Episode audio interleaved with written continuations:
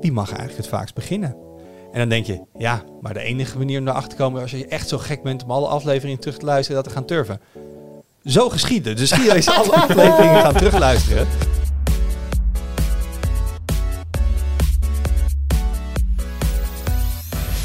Hoi, leuk dat je luistert. Welkom bij een nieuwe aflevering van de Tweakers Podcast. Mijn naam is Wout en vandaag zit ik in de podcast met Arnaud Wokken, Hoi. met Olaf Weijers Hoi. en met Jurien Nubachs. Hallo.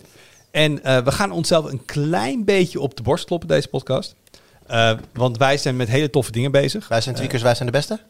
Ja, Mooi. ja dat is een voetbalreferentie. Mooi. Hè? Ja, ja, ja, ja, goed. ik, Netjes, heb. Wout, netjes ja, dit, als hoor. niet, eh, niet voetbalkenner weet ik dat het iets met Ajax te maken heeft. Ehm, want wij testen tegenwoordig eh, routers. Eh, en dan denk je, oké, nou, ik kan wel op meer plekken op internet router reviews lezen. Dat klopt. En dat is dan vaak iemand die hem aansluit en instelt en dan telefoon verbindt en dan Netflix opstart en zegt, ja, topstream. Ehm, maar we willen natuurlijk iets verder gaan dan dat. Dus eigenlijk zijn we achter de schermen al eh, anderhalf jaar bezig met eh, hier een testopstelling voor eh, uitdenken en bouwen. Wat als we van tevoren wisten hoe verwerkt het was geweest, hadden we het misschien niet gedaan. maar gelukkig wisten we dat niet. Maar in ieder geval, Olaf die, die is daar de, de expert voor en die is er druk mee bezig. Dus daar gaan we het zo meteen over hebben. En ook natuurlijk, wat heb je aan die router zonder internet? Want er gebeurt ook in de internetmarkt op dit moment genoeg. Maar eerst, de highlights.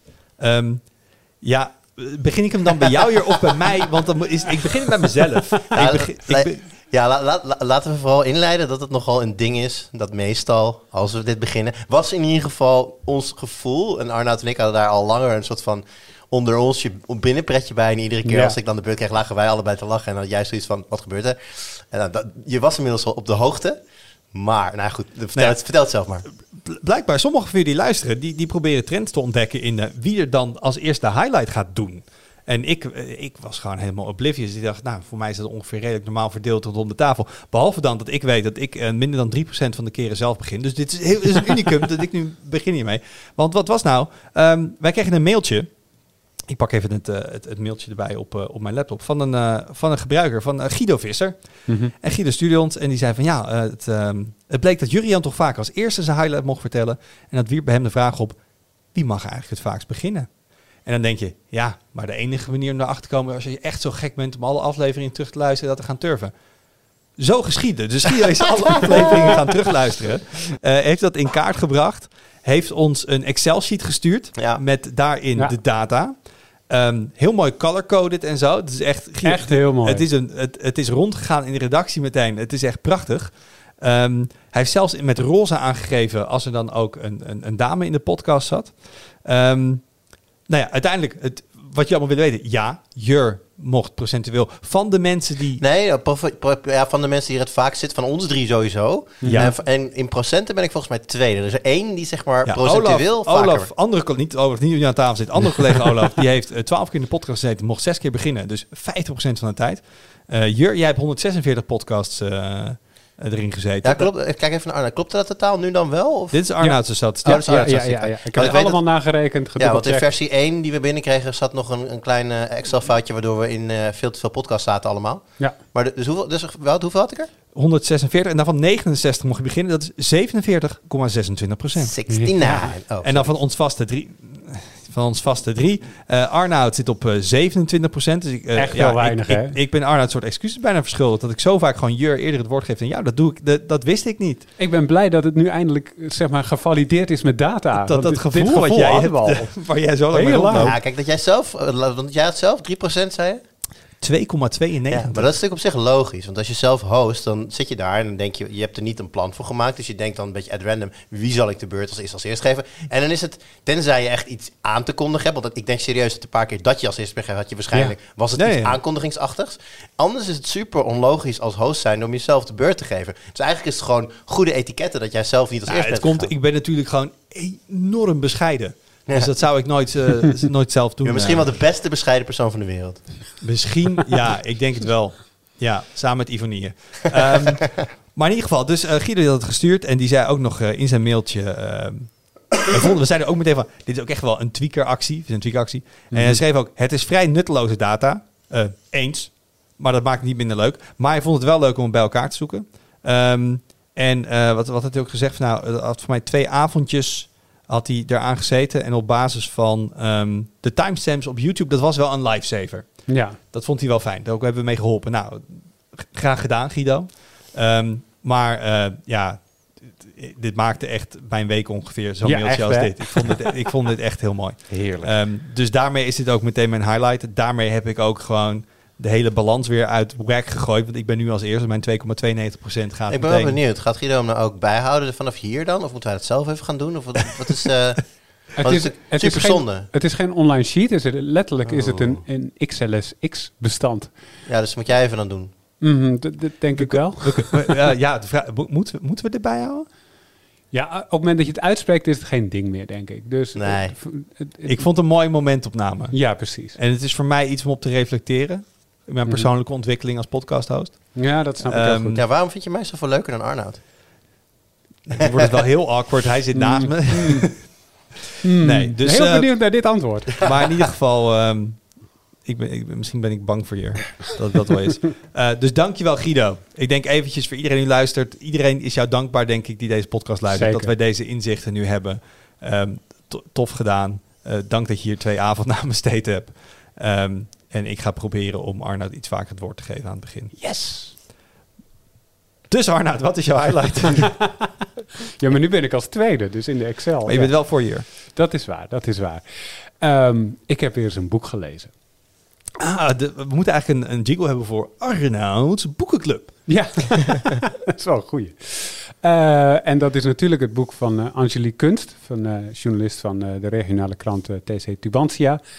Over eh, Gerard Sanderink, de oprichter van eh Centric, groot IT-bedrijf. Hadden wij een, eh, een leuke voorpublicatie van op de site. We mochten een hoofdstukje alvast publiceren. En er werd ook inderdaad heel enthousiast op gereageerd door onze, door onze lezers. Die, dat was meteen natuurlijk het, het, het juicy hoofdstuk over Rian van Rijbroek. Rian van Rijbroek, inderdaad, de, de, de, de zelfverklaard cyber-expert, zoals een paar keer keurig in het boek staat. Eh, ja, zelf staat er gelukkig elke Dat keer wel staat bij. er elke keer bij, ja. Ja.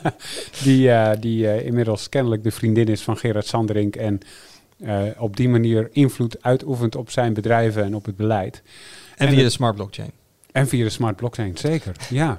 Maar misschien is het... Misschien Maar dat is toch al heel lang? Want toen het vorige keer dat ze in opspraak was, was dat toch ook al met Sanderink en dat zij daar... Misschien is het wel goed was? voor mensen die nu luisteren. Misschien zijn er mensen, als we zeggen Rian van Rijbroek, Ja. die ik weet niet wie dit is. Misschien kun je heel kort nog even uitleggen waarom is er überhaupt een boek over geschreven. Ik vind niet dat je dat die mensen aan kan doen, eerlijk gezegd.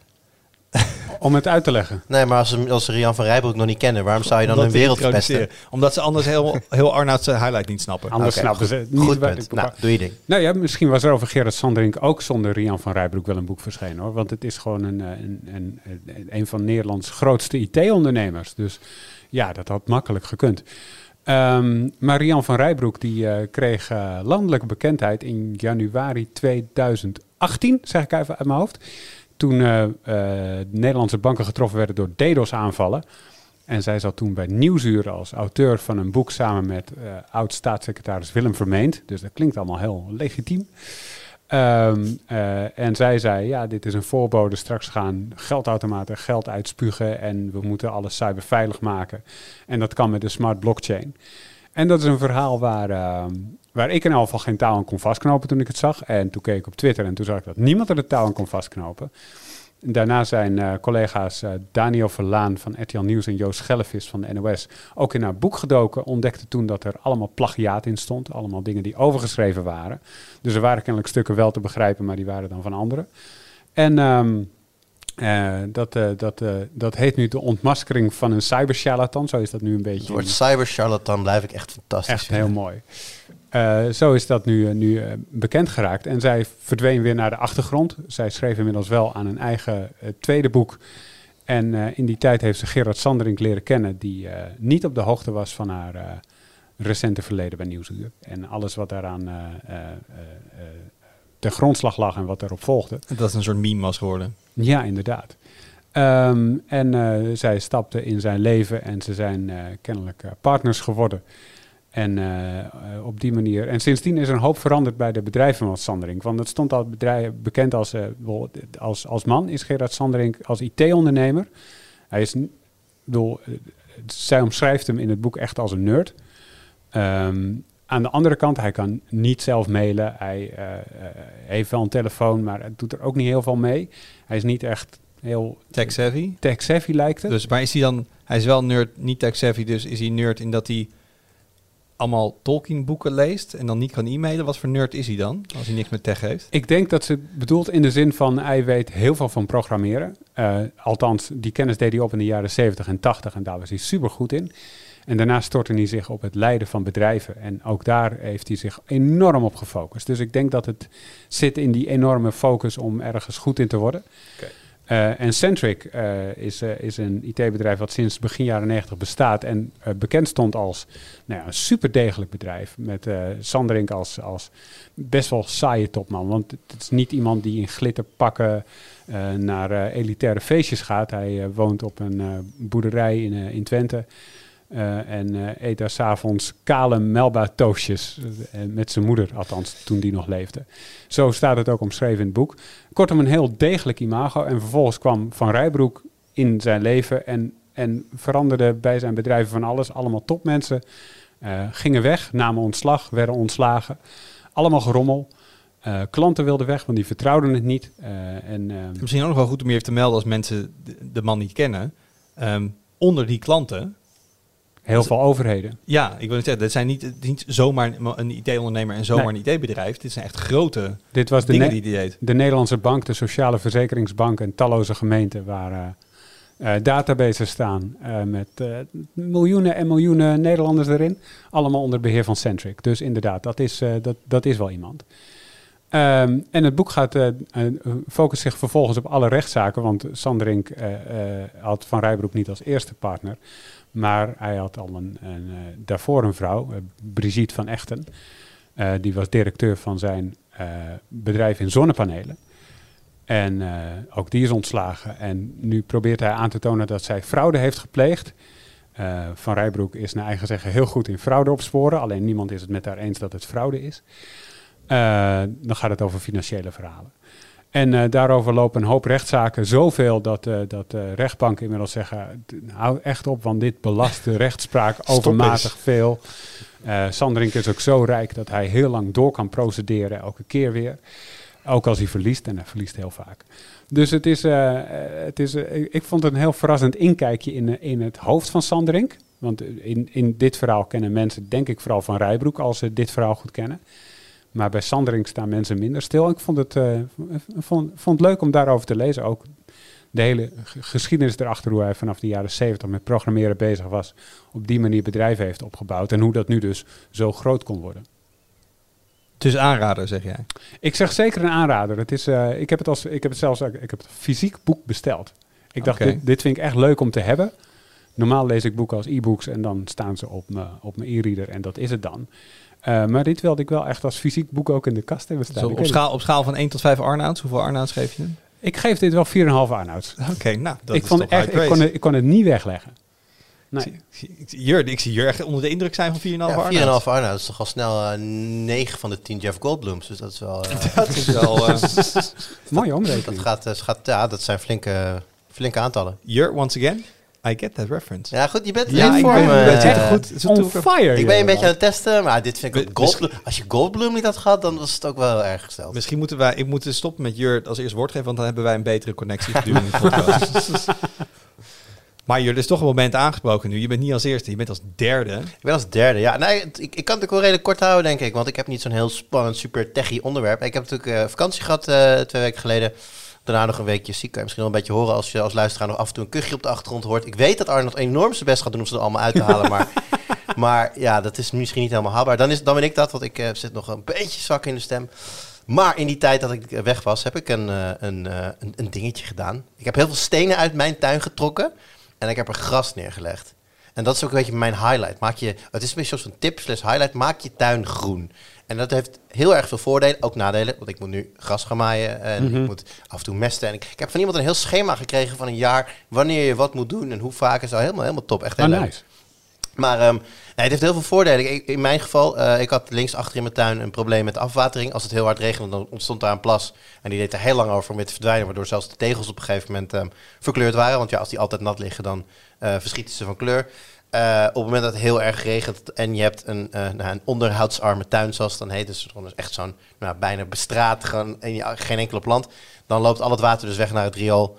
En eh, dat, heeft ook, dat, dat kan overlast gevolg hebben. Zeker nu de, de, de buien in de zomer hier in Nederland wat heviger geworden hebben. We zien steeds vaker de, de blankstaande straten. Dat kun je helpen oplossen door zelf een heleboel tegels weg te halen, gras neer te leggen, zodat water de grond in kan.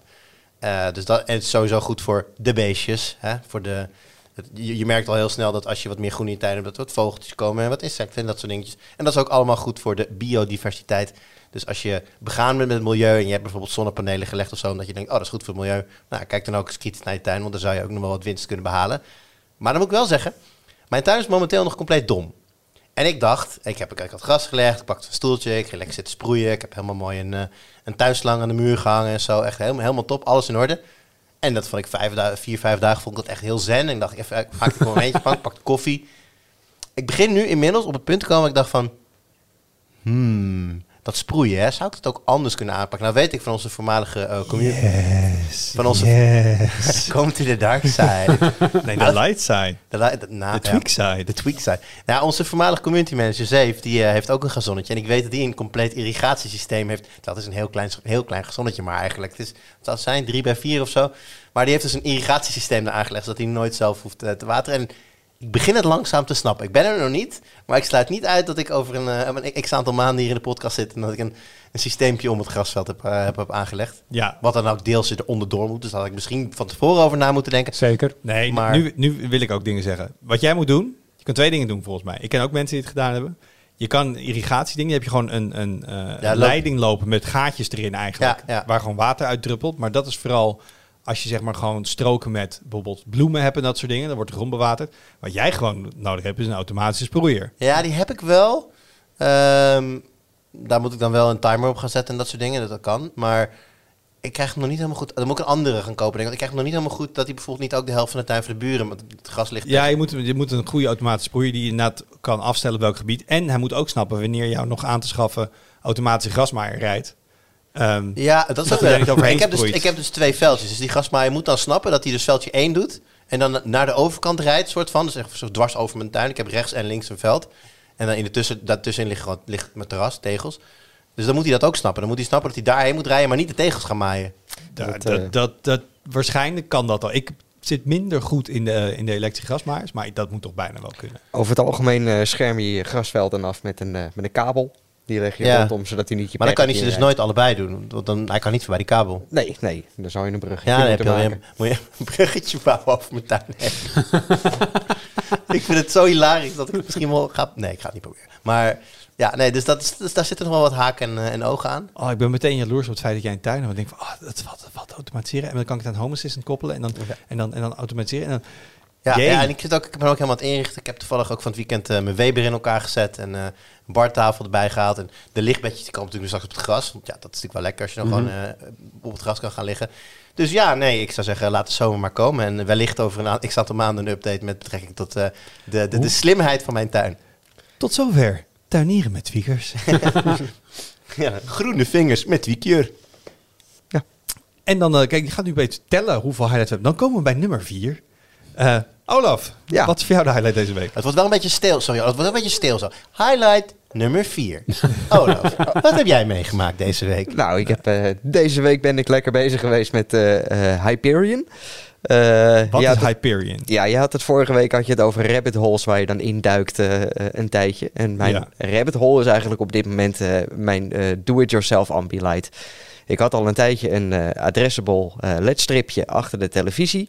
Dus dat is een ledstrip waar je elke pixel een andere kleur voor kan geven. Ja, die hing daar meer als effectje. En eh, ja, het werd toch eens tijd om dat te gaan koppelen aan het beeld op de televisie.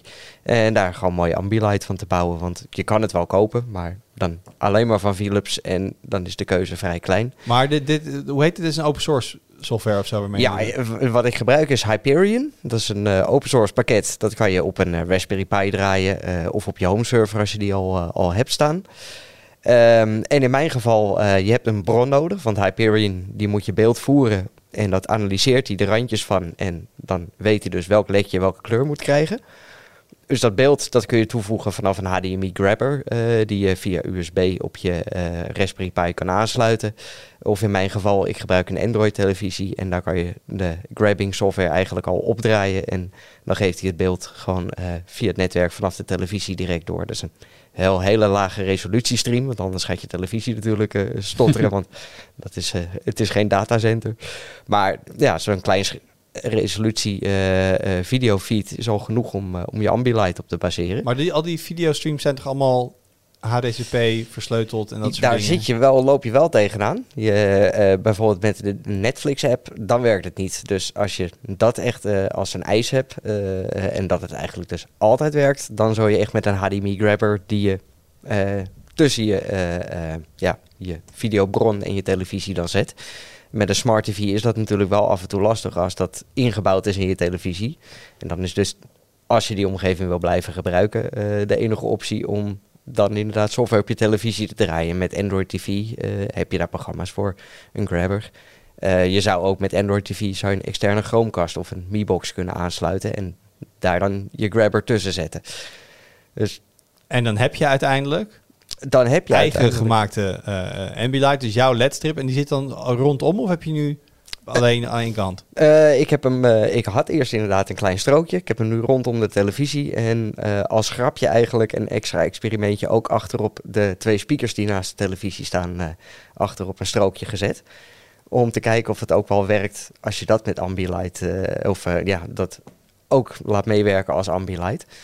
Dat is erg spectaculair in de praktijk, maar geeft ook wel heel veel licht. Dus ik ben daar al een beetje van terug aan het komen in de praktijk. Ja, dat is een beetje de vraag van het nut van. Ik weet dat eh, mijn, mijn voorganger hier bij Tweakers, eh Wilbert, die, de hoofdredacteur, die, die wilde alleen maar Philips tv's. Of ze nou goed waren qua beeld, maakt niet uit. Hij moest altijd Ambilight hebben. Dat was Ja. voor hem een soort, ik kijk geen tv zonder Ambilight. Heb, Jur, Arnold, heeft een van jullie een Philips tv?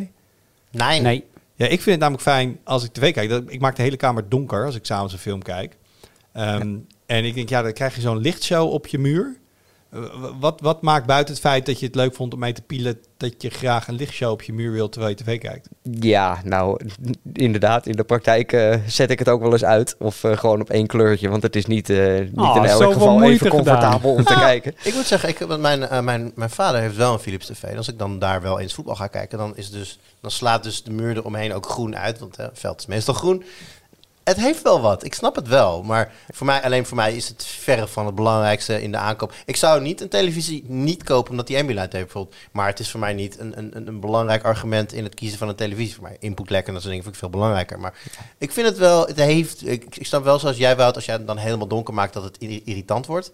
Maar ik vind in een semi-lichte kamer vind ik het wel vrij sfeervol of zo. Ja. Ja, en hij hoeft natuurlijk, eh, hij kan ook aanstaan op het moment dat je televisie niet aanstaat. Het wordt uiteindelijk gewoon een onderdeel van de verlichting in je Ja. kamer. En dan is het leuk als je, omdat je elk ledje apart kan adresseren, kan je hele mooie kleurverlopen maken. En je moet dan natuurlijk wel houden van kleur in je kamer, want dat, dat- ja. Zie je net een soort Is van echt wel smaak. van kleuren zo op de muur. Absoluut. Hele rainbows. projectie. Ik hoop echt, ik- ja. ik noemde Safe net al even, maar ik hoop echt dat hij dat nooit gaat doen, want daar loopt niet goed af. Nee. Nou, maar zoals eh, ja, bij, vaak bij die rabbit holes het geval is, het is meer het pad er naartoe om te bewandelen dan eh, dat uiteindelijk het doel, eh, ja. Maar nu weet ik dat Philips heeft voor mij twee jaar geleden of zo zelf een kastje uitgebracht. Die je tussen je HDMI-kabel kan, kan inzetten, zeg maar. Om, om, om dit nou, heel Ja. simpel gewoon te doen met, from, eh, van de plank, zeg maar. Ehm, is dit uiteindelijk ook niet gewoon heel duur? Als je, is het ook heel veel goedkoper om dezelfde LED-strips en, en grabber dingen... Wat ben je jaar aan kwijt, zeg maar? Eh, uiteindelijk nu ben ik eh, voor een, eh, een goede stevige voeding. Want al die ledjes die verbruiken toch op, als je ze op vol vermogen aanstuurt, best wel wat. Dat is een eh 5 volt 100 watt voeding. Maar die hou je voor drie tientjes van Amazon. En een mooie geadresseerde ledstrip ongeveer 35 euro. Dan zou je nog wat ehm, een, eh, een microcontrollertje moeten hebben om aan te sturen. Maar die zijn 5 euro, eh zullen we maar zeggen. Dus ja, Zo'n grabber unit via USB. Precies, nou ja, en als je dan, ja, als je een grabber nodig hebt, die zijn eh, ja ook zeg maar drie, vier tientjes voor een beetje mooie, mooie grabber.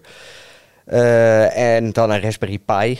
Maar ja, vaak heb je die al, of al liggen of een home server draaien als tweaker, Ja, denk ik dan. het Dus, gaat ja. richting, als je het van scratch doet, richting een, een eurotje of 200. Nou, als je inderdaad dat als budget stelt, dan hou je echt wel over. En dan, eh, en dan kun je van alles best wel eh, eh, gewoon goede kwaliteit apparatuur ook nog neerzetten. Dus dat, dat ga je zeker redden voor die prijs. En dan ben je dus gewoon vrij in verder je televisiekeuze. Want dat is natuurlijk, eh, ja, je moet maar net van een Philips TV houden als je echt Ambilight wil. Nee, dat, zeker. Maar voor mij dat kastje, je ik weet even niet meer wat dat kastje van Philips kost. Maar voor mij was dat op zichzelf al echt belachelijk veel geld. Ja, en dan moet je nog Philips. Hue lampen hebben. De ledstrips van Philips Hue, die zijn ook verschrikkelijk duur. eh, als dus je dan dat, zit eh, je denk ik minimaal op, op het dubbele als je het inderdaad eh, kant en klaar zou doen in plaats van zelf maken. En zelf maken is natuurlijk leuker. Je krijgt er een hele middag lol met solderen en eh, peuteren krijg je er natuurlijk weer voor terug. En daarna, het houdt ook niet op, want je kan vervolgens, eh, wat ik dus had, ik had al een stukje strip. Ik had eh, een extra ledstrip besteld. Ik denk, ja, dat kan ik wel aan elkaar solderen, dus dat eh ons benzunig. Dan blijkt dus dat je oude ledstrip toch in de loop der jaren ietsje verlopen is ten opzichte van verse ledjes. En dan krijg je dus twee verschillende ja, kleuren eigenlijk als Ambilight. Ja, dat blijkt dan wel weer terug te kalibreren. Dus dan ga je je ledstrip kalibreren. Met, dus ja, het is, zelfs als het al draait, kun je nog uren Ja. vermaken. Je had het al over een rabbit hole. Precies, en net als jij zei vorige keer al eigenlijk met de toetsenborden van nou ja, misschien over een jaar dan pak weer gewoon toetsenbord en ja, mis ik het misschien niet of nauwelijks. Ja, dat, ja, dat zou zomaar kunnen dat het over een jaar niet meer, eh, niet meer werkt en dat ik het eh, niet meer aanzet en dat het niet meer terugkeert. Maar het is voorlopig een erg leuke... Ik herken dat wel. Ik heb dat ook vaak met dingen. Dan ga ik iets bouwen of iets configureren of iets maken.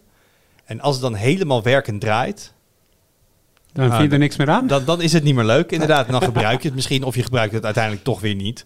Ehm, maar ik, ik herken wel heel erg dat de weg er naartoe en het, het, het, het tweaken en het uitzoeken en het leren ook van, oké, maar hoe moet dat dan? Ja. Dat dat eigenlijk veel leuker is dan het eindproduct, want dan, dan, dan werkt het gewoon. Ja, dat is maar saai. Dan is de lol eraf. Precies. Ja. Dat is toch saai? Ja. Ehm, dat geldt niet.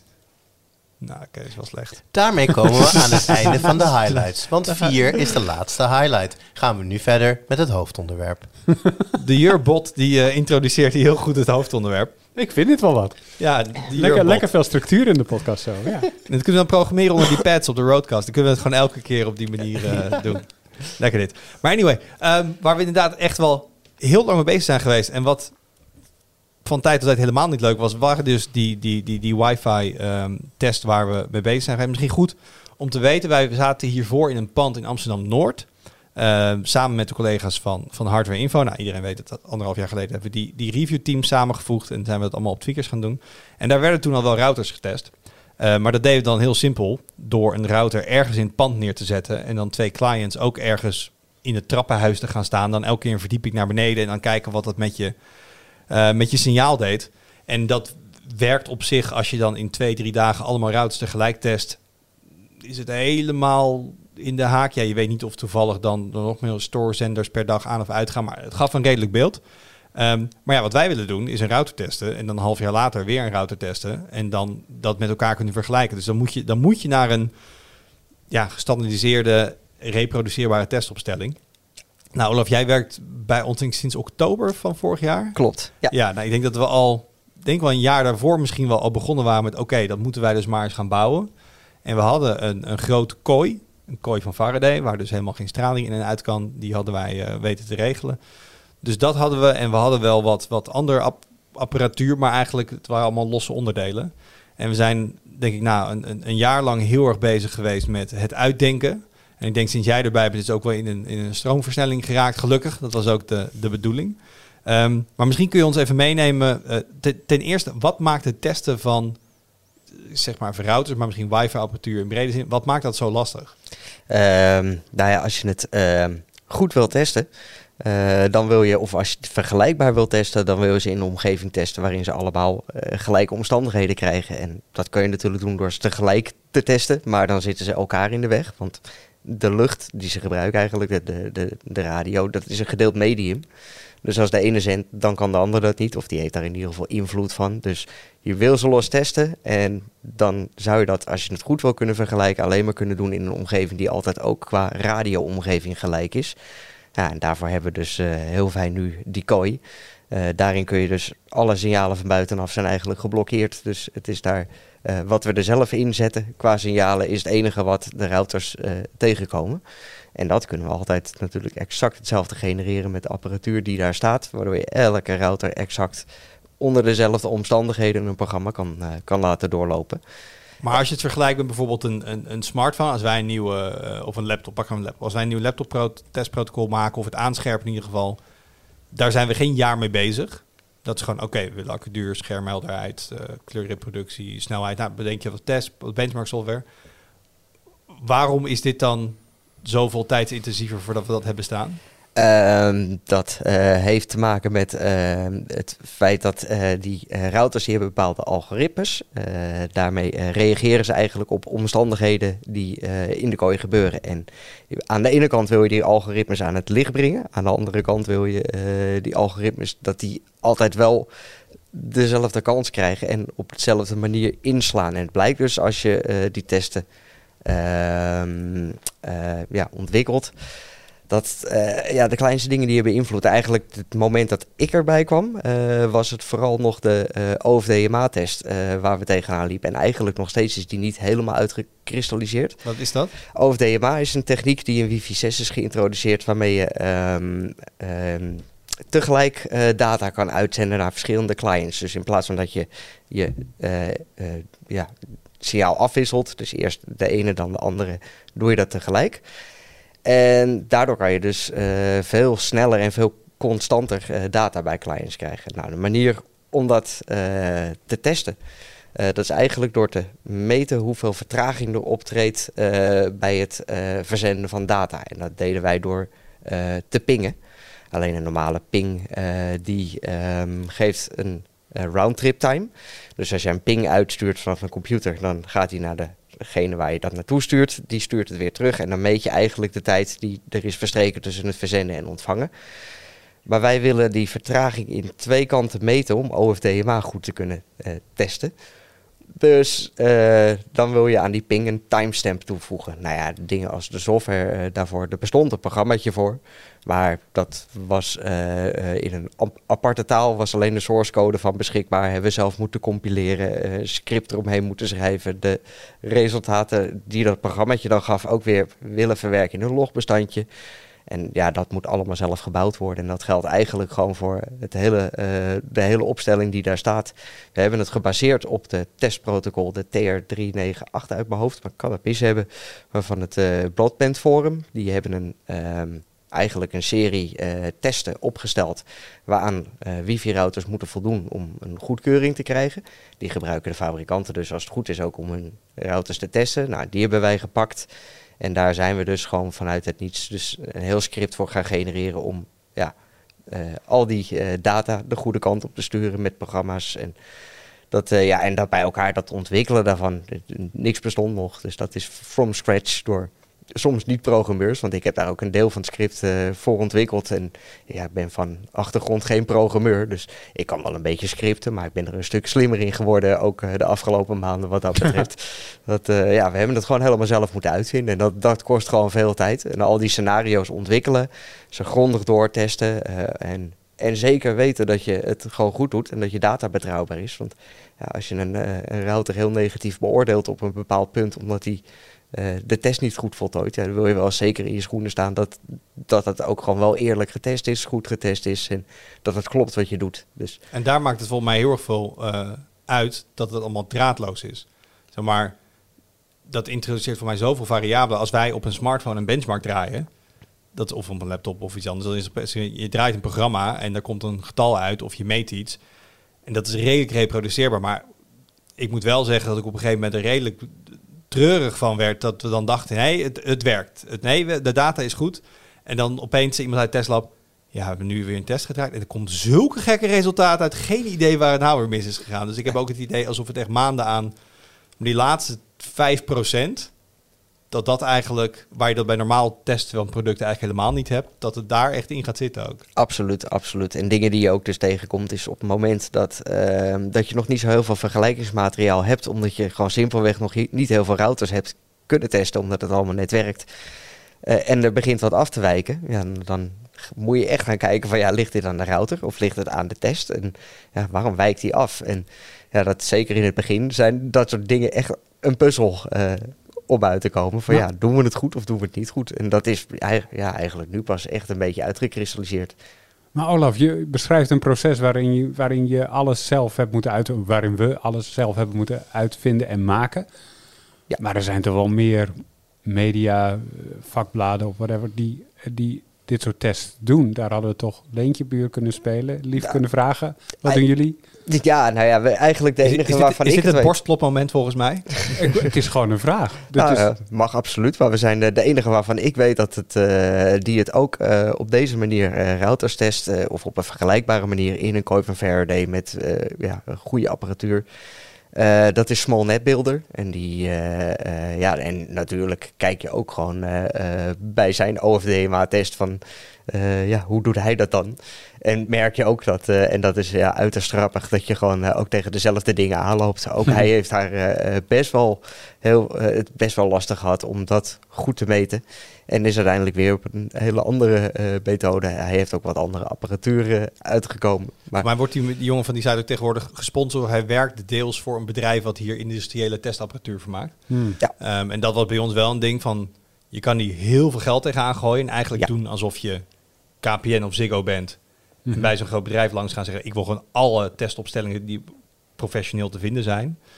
Nou, dat is nogal duur. Mhm. Ehm, dus de, de uitdaging hier was dat we het zelf hebben moeten bouwen. Uh, Maar ik ken inderdaad naast Small Net Builder eigenlijk geen enkele testsite die op dit niveau dit doet. Maar Ja. dan nog een andere, andere belangrijke vraag. Want dit testen we dus allemaal in een kooi van Faraday. Er komt geen straling in.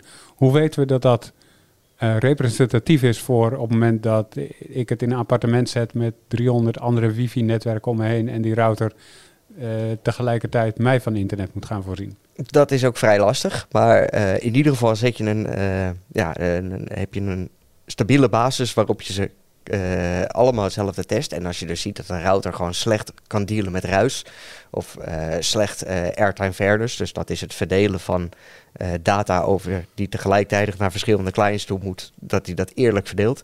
Daar zie je wel verschillen in, in gebeuren. En ja, dat gedrag dat, dat zal waarschijnlijk ook in een omgeving buiten de kooi weer, weer terugkomen.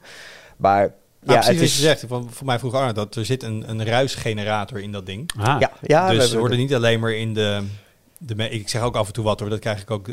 Derde hands krijg ik dat dan door... Alsof ik het ook snap. Maar dit snap ik dan nog. Maar dus er zit... Je test zeg maar een ideaal scenario. Maar er wordt ook een bak ruis die kooi ingegooid. Om dan te kijken wat gebeurt er dan. En je kan ook het signaal dempen. Ja. Dus als je wil weten van... Goh, nee, we kunnen niet letterlijk testen. Doet deze het ook als ik op zolder sta? Maar je kan wel zeggen, we gooien zoveel demping op het signaal dat het net zoiets is alsof er drie betonnen muren tussen zitten. Mhm. Ehm, want inderdaad, als we alleen maar testen in een ideale situatie, hoe snel is het ding? Ja, dat gebeurt bij niemand thuis, want iedereen heeft allemaal storefactoren in zijn Ja. huis zitten.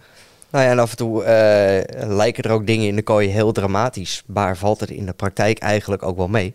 Eh, wat we bijvoorbeeld eh, vaak zien bij, eh, of eigenlijk bij elke Asus-router tot nu toe hebben gezien. En dat is dan ook wel interessant dat je echt ziet dat een fabrikant bepaalde keuzes maakt in hoe een router zich gedraagt. Of die nou heel goedkoop is of heel duur. Want in dit geval gaat het om een van de goedkoopste en een van de duurste die we hebben getest. Daar zien we als we een airtime fairness doen, test doen, dan gebruiken we één client die is ongedempt. Dus die staat zeg maar gesimuleerd dicht bij de router, eh, heeft vol bereik en die stuurt eh, volle bandbreedte eh, of ontvangt volle bandbreedte data. Dan is er één client die is gedempt, dus die staat gesimuleerd veel verder weg van de router, heeft wat minder goed bereik. Zo'n client zal dan ook vaak meer radiotijd vragen, omdat het lastiger is om die data snel over te dragen. Dus die moet voor dezelfde bandbreedte mm, eigenlijk meer tijd krijgen. En dan hebben we een test waar we dan nog een derde client gebruiken. Dat is een wireless eh, eh, G-client. Dus eh, echt ouderwetse wifi 2 of 3. Daar moet er vanaf zijn. Volgens mij wifi Tegenwoordig 3. heet dat wifi 2 of 3, ja. Ja, precies. dat, ehm, en dan laten we dus die drie clients voluit downloaden. En dan zie je bij Asus dat eigenlijk die eh, legacy wireless G, die hele oude client, die krijgt nauwelijks nog eh, een verbinding. Die mag blij zijn als hij echt nog een paar mbit überhaupt krijgt. En af en toe gewoon secondenlang niks. Nou, als je dan die testdata ziet en ziet dat andere routers dat dan iets beter oplossen, in ieder geval met die legacy client, dan zou je geneigd zijn om te zeggen van ja, dat, dat is gewoon een slecht resultaat. Dat gaat gewoon niet goed met die, eh, met die router. Uh, maar in de praktijk, als je hem gewoon, uh, ja, gewoon normaal test in die omstandigheden, zou je daar echt niks van merken. Ook omdat uh, vaak de enige apparaten die dat nog zijn, dat zijn IoT-apparaten. En op het moment dat hij een, een sensor een, een, waarde wil versturen, ja, dan maakt het niet heel veel uit of hij daar eventjes een halve seconde of een seconde langer over doet of op moet wachten voordat hij een verbinding krijgt. Daar, daar merk je in de praktijk met die apparaten niks van terug. Maar goed, heb je nog een oude tablet en, en ben je daar heel veel YouTube aan het streamen. En uh, je hebt ook nog huisgenoten die continu ook aan het downloaden zijn. Dan, ja, maar je hebt over wifi G. Je hebt, Precies. Oude tablet, is, heb je een antieke tablet, zeg je. Precies. dus sommige dingen, ja, die lijken heel dramatisch. Maar je moet ze ook wel op waarde weten te schatten. Want het is ja, niet allemaal één op één te vertalen naar de buitenwereld. En allemaal zo heel dramatisch als het, dat het lijkt. Maar ja, we zijn het natuurlijk wel heel moeilijk aan het maken voor die routers. Om juist bepaald gedrag aan te tonen. En ja, te kunnen kijken gewoon uh, hoe bepaalde fabrikanten met vaak dezelfde chipsets uh, toch ander gedrag uh, in hun routers programmeren om problemen anders aan te pakken die, die in de praktijk voorkomen. En dat is, dat is erg leuk. Is dat, ook, is dat ook moeilijk? Want je begint natuurlijk vanaf nul, geen enkele router getest aan het begin. Ja. En dan moet je een soort van context bouwen en kunnen wegen. Want je zei al net, dan lijkt het heel belangrijk als je dat vindt. En zeker als je het zelf vindt, dan denk je, wow. Maar dan is het in de praktijk dus eigenlijk niet echt een probleem uh, als, als je die router gewoon zou gebruiken. Maar dan loop je denk ik wel vaker tegenaan dat je denkt, zo, dit is een gigantisch verschil. Terwijl je moet het toch ook wel in de context kunnen zetten. Is dat lastig om dat om die context een beetje voor jezelf op te bouwen, dat je het goed op waarde kan schatten. Ja, dat, ja, dat is inderdaad wel eens van ja, hoeveel waarde ga je nou hechten aan bepaalde uh, gedrag wat je dan ziet. Uh, noemde links is in onze laatste test, die kan je dan terugkijken in de grafieken. Daar is bij de airtime fairness krijgt een client met slechte verbinding, die krijgt veel meer bandbreedte dan de client die dicht bij de router staat met een goede verbinding. En dat, ja, heel raar gedrag. En dat uh, kun je ook gewoon buiten de kooi. Dus dat uh, heb ik ook even buiten de kooi getest met uh, een laptop ver en een laptop dichtbij. Ja, dan zie je precies hetzelfde optreden. Dus in dat mm -hmm. geval ja, zijn het echt dingen die, je die je gewoon merkt. Als je daar gewoon slechte verbindingen hebt en het is druk op netwerk, ja, dan ga je bij die router gewoon daar echt last van krijgen. En dat vertaalt zich dan wel weer terug. Maar dingen die je inderdaad echt ziet en die opvallen, ja, is het ook wel eens goed om dat even buiten die kooi dan te testen. En te kijken of je dat kan reproduceren of dat je er eigenlijk niks van merkt. En ja, zo ja, kan je er meer of minder waarde aan, aan zo'n resultaat hangen. En we moeten uh, gewoon denk ik heel veel data gaan opbouwen. Ik bedoel, we weten van ja. heel veel andere producten die we heel lang testen, heb je zo'n historie aan data dat je gewoon weet hoe je dingen moet zien. Dus ik heb ook gezegd, die, die kooi die we nu ook hebben, tot, in ieder geval tot het eind van het jaar moet daar gewoon 24-7 eigenlijk, wat is ook leuk, want we wordt grotendeels geautomatiseerd, dus we kunnen ook s'nachts doortesten. Ja. Moet daar gewoon eigenlijk, alle, alle routes die in Nederland wil kopen, moeten er gewoon doorheen. En dan op een gegeven moment wordt het ook makkelijker om dingen in, in context te zetten. Hey, Ola, ja. er is één vraag die heel vaak terugkomt toen we ook hier een artikel over deden. Dat, we dit gingen doen en bij de eerste test. ik moet hem hier ook gewoon nog een keer vragen. Uh, voor mij vinden het heel veel uh, uh, gebruikers lijkt interessant. Oké, okay, dan koop je een nieuwe router. Maar hoe verhoudt hij zich nou tot degene die je al hebt? Oftewel dat ding wat je van een KPN of van een Ziggo of van een T-Mobile thuis krijgt. Gaan we die dingen ook testen? Staat zeker op het verlanglijstje. Ik had die vraag ook al gekregen in onze gedachte, geachte redactieafdeling op het forum. En uh, ja, dat is ook uh, een van de dingen toen ik hier binnenkwam bij het Vickers en dat allemaal zag. Een van de eerste wensen die ik zelf ook had. Van, nou, dat is wel eens leuk om hier een Ziggo box of een Xperia box van KPN doorheen te stoppen. En, of doorheen te, te trekken en eens te kijken ja, of het nou allemaal wel waar is. er wordt natuurlijk heel veel ja, gezeurd over deze routers ik denk dat het voornamelijk zelf dat het een verhaal is, omdat ze zoveel voorkomen en uh, ja, dat er daarom ook vaak gewoon dingen misgaan. Maar we willen dat testen. Het probleem is alleen dat uh, uh, de testprocedure in de kooi, die vereist ja, wel echt strakke instellingen van die routers. We zetten ze echt op bijvoorbeeld 20 megahertz bandbreedte op een bepaald wifi-kanaal en met ja, bepaalde instellingen. En dat is niet bij al die provider routers even mooi in te stellen. Dus daar kom je al met uitdagingen en zou je eigenlijk uh, dan al willen kijken van nou, wat kunnen ze allemaal wel? En uh, dan kunnen we ze op, in ieder geval op een paar uh, punten met elkaar vergelijken. Maar ja, dat houdt dus eigenlijk in dat, je dat, uh, dat de kooi eventjes op pauze moet worden gezet.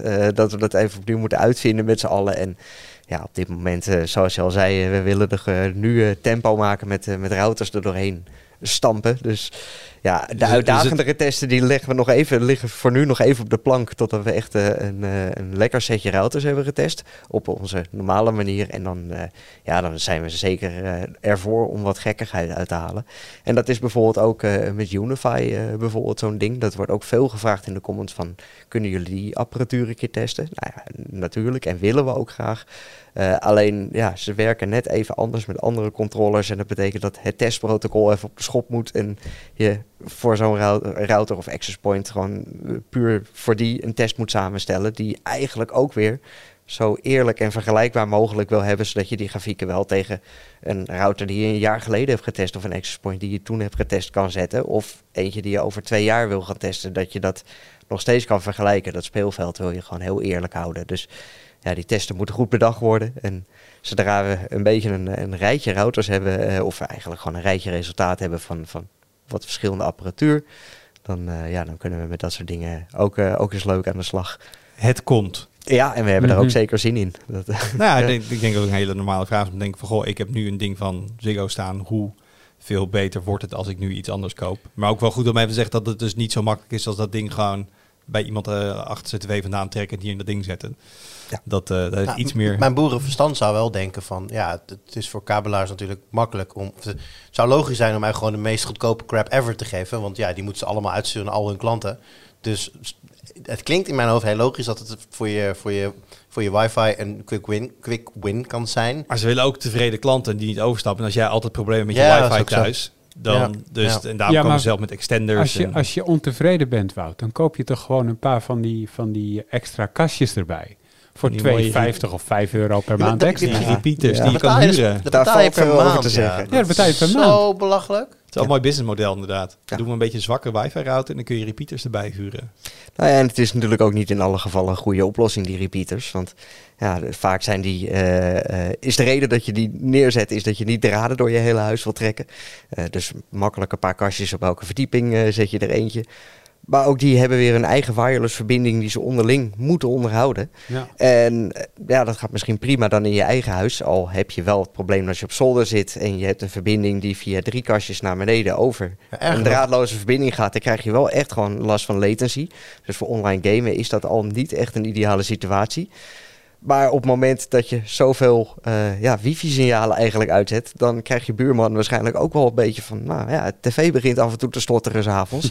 Eh misschien je- is een mesh set en ja, dan zit die band nog voller. En dan je onderburen doen het ook, je bovenburen doen trek, het. trek kabels. Nou, En ik, de heb zo, ik, heb, ik heb dus ook een repeat gehad eventjes. En ik had zelfs het idee dat eh, sommige apparaten het leken te switchen van access point. Dat ze, maar ook gewoon continu, waardoor er steeds je signaal even wegvalt. Dat ze niet helemaal zeker zijn op welke wil ik nou zitten. Ja, precies. En nou goed, dat, dat zit natuurlijk af en toe, het fluctueert af en toe een heel klein beetje. Ze zeggen, oh nee, die is toch beter. Oh nee, toch is die andere beter. Dus, dat- dat- zoveel problemen. En- Do not want. Ook dat is inderdaad, eh, je hebt natuurlijk nu, eh, zijn die mesh sets eh, super populair aan het worden.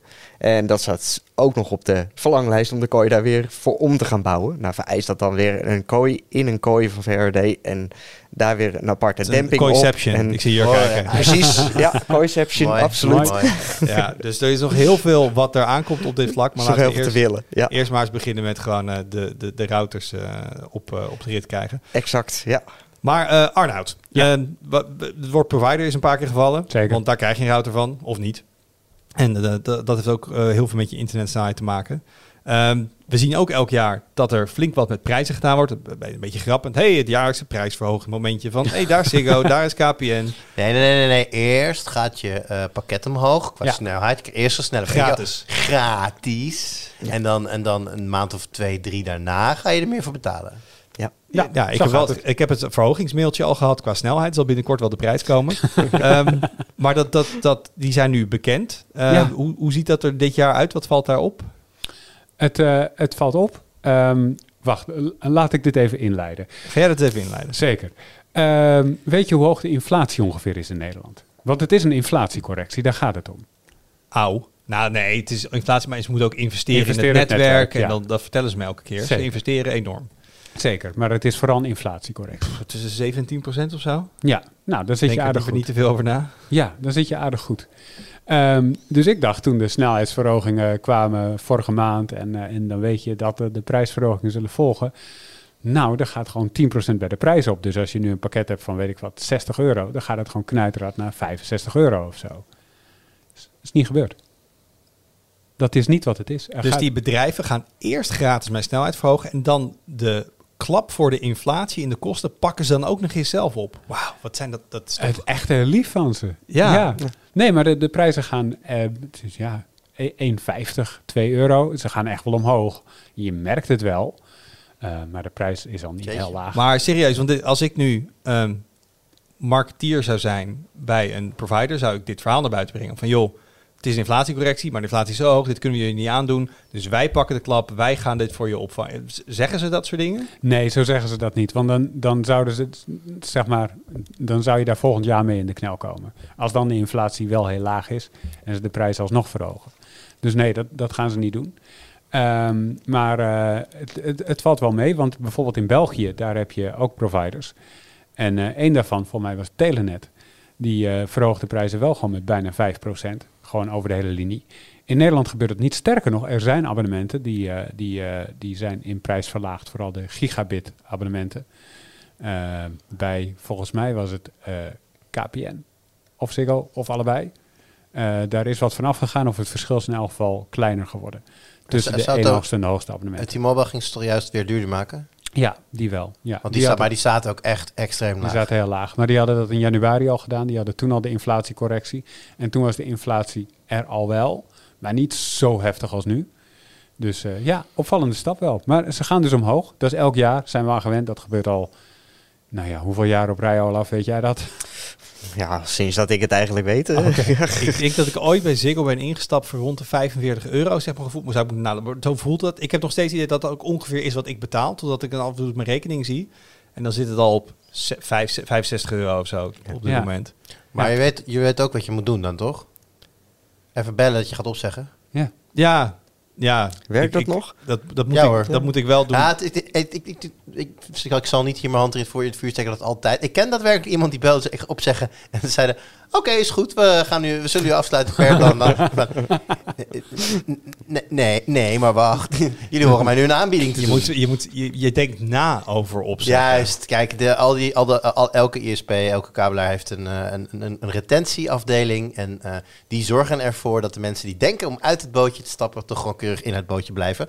En daar wordt vaak wel een. eh, want als je natuurlijk een nieuwe klant bent, dan krijg je in eerste instantie gratis aansluiting, zes maanden korting, gratis pakketje erbij. En dat valt op een gegeven moment ook allemaal een keer weg. Dat je dan ga je wat meer betalen. Staat er al bij, later ga je dit betalen. Nou goed, zo- zo'n nieuwe korting. Ik ik zal niet voor hun spreken, maar dat soort dingetjes valt wel te regelen als je even belt. Ik had toevallig gekeken even, ik zit bij Ziggo en ik had gekeken als ik nu opnieuw zou afsluiten, wat ik dan zou gaan betalen. Ehm, en het was voor mij het eerste half jaar of jaar krijg je dan 50% korting of zo. Dus ik zou in ieder geval die eerste periode zou ik van 65 euro naar minder dan 30 euro gaan. Als het, je echt, als het je echt niet uitmaakt wie je, wie je ISP is en je vindt het niet erg om te switchen, ben je serieus gewoon goedkoper uit om elke 12 maanden een nieuwe te nemen en gewoon heen en weer, heen en weer te pingpongen tussen twee. Omdat je dan iedere keer gewoon weer een nieuwe klantenbonus pakt. Ik, ik heb geen keus. Het, Nee. is, het, is, het is kabel of DSL en ik ga geen DSL nemen. Starlink. Of Starlink heb ik ervaring mee. Maar dat is ook... Nee, ik wil, ik wil glas. Maar dan komen we op mijn eh Calimeren momentje van weer uit. Om zoveel paar weken dat er nog steeds geen glas in mijn wijk is. Ehm, dus ehm, Maar ze zijn al in de buurt bij je. dit moet ik ook helemaal niet hardop zeggen. Want als ik nu Ziggo ga bellen, zeggen ze... Ja, je bent van een tweakerspot. Je hebt helemaal geen keuze. Je kan helemaal niet overstappen. ja, precies. Ehm, maar zit je, jij zegt van... Hé, eigenlijk zou je dat moeten doen. Doe jij dat dan? Ga jij, ga jij hoppen? Nee, maar dat komt er vooral ook. Ik, ik, zit dan bij T-Mobile. Ik heb daar eh, van een of andere wereldaanbieding gebruik gemaakt. En eh nou, T-Mobile was natuurlijk al zo heel goedkoop. En ik heb het ook nog gecombineerd met mobile. Dus zelfs als ik nu naar Ziggo overstap, zelfs met de welkomstkorting en alles erbij, ook bij KPN, kom ik niet goedkoper uit dan waar ik nu ben. Dus eh, wat, wat ik net zei, is in de praktijk op mezelf in ieder geval niet toepasbaar. Maar voor veel, voor, voor, voor veel andere mensen zou dat eh, wellicht een, een, een handige tip kunnen zijn. Maar nee, ik, eh, ik zit eh, gewoon omwille van de prijs zit ik eh, heel lekker bij T-Mobile. Maar Ja, dat, is, dat is ja. wel echt een dingetje, Jur, dat je met je mobiel eh, abonnement Ja. er ook zit. Daar pushen ze heel hard op al een paar jaar. Ja, nee, maar dat is ook. Ik, ik had met om die reden. op mijn vorige adres had ik hetzelfde, maar dan met KPN. En ik moet wel, ik zei ook, ik ben heel lang klant geweest bij KPN. Ik vond het wel een dingetje om dat op te zetten. Ik heb Ja. nooit klachten gehad. Ik heb nooit vrijwel geen dead zones en dat soort dingen met KPN. Dus dat is allemaal prima. Gelukkig gaat het tot nu toe op mobile met eh, T-Mobile ook helemaal prima. Maar dat opzeggen, omdat ja, het leverde zo'n groot voordeel op. Gewoon, ik weet, het al, ik weet het niet eens nog maar maar dubbele data, nog eens een keer 10 euro extra korting, weet ik het wat allemaal. Ja. Het was echt ja, te goed om te laten liggen. Dus die overstap werd voor mij op een gegeven moment heel logisch. Maar inderdaad, je merkt het heel erg. Hè? Die fikse korting als je, als je keurig je ecosysteempje binnen één, eh, één walled garden houdt. Maar is Ja. ook niet één Ja. van de... Vodafone Ziggo is nu een ding. Ja. Ja. ja. Dat, dat kan daar nu ook. Dat kon ook eerst niet. Maar Olaf, ben jij heel, heel trouw en vast aan je ISP? Of, eh, Ja, absoluut. absoluut. Dat, eh, bij mij is het ook eh, eigenlijk een heel, heel herkenbaar verhaal. Geen, eh, geen keuze eigenlijk. Eh, ja, DSL, dat, eh, dat haalt het niet voor mij. Geen Nee. glasvezel, dus het werd, moet gewoon Ziggo worden. Ja. Ja, mijn energieleverancier die, eh, die mag elk jaar gewoon de deur de, uit. en de merk je niks van. zorgverzekering. Maar dan zie je toch maar weer Ja. dat dan een gebrek aan, aan concurrentie op, op zo'n Ja. zo'n internetmarkt.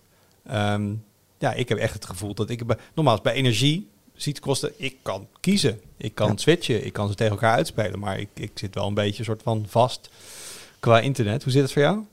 Ik, eh, ik heb het precies hetzelfde als Jurk. Ik heb ook een wereldaanbieding. Ik heb ook mobiel gecombineerd. Ja, dat is gewoon echt... Dat is best wel goedkoop. En zolang dat zo blijft, dan blijf ik lekker daar. Ja. Maar ik vergelijk het wel.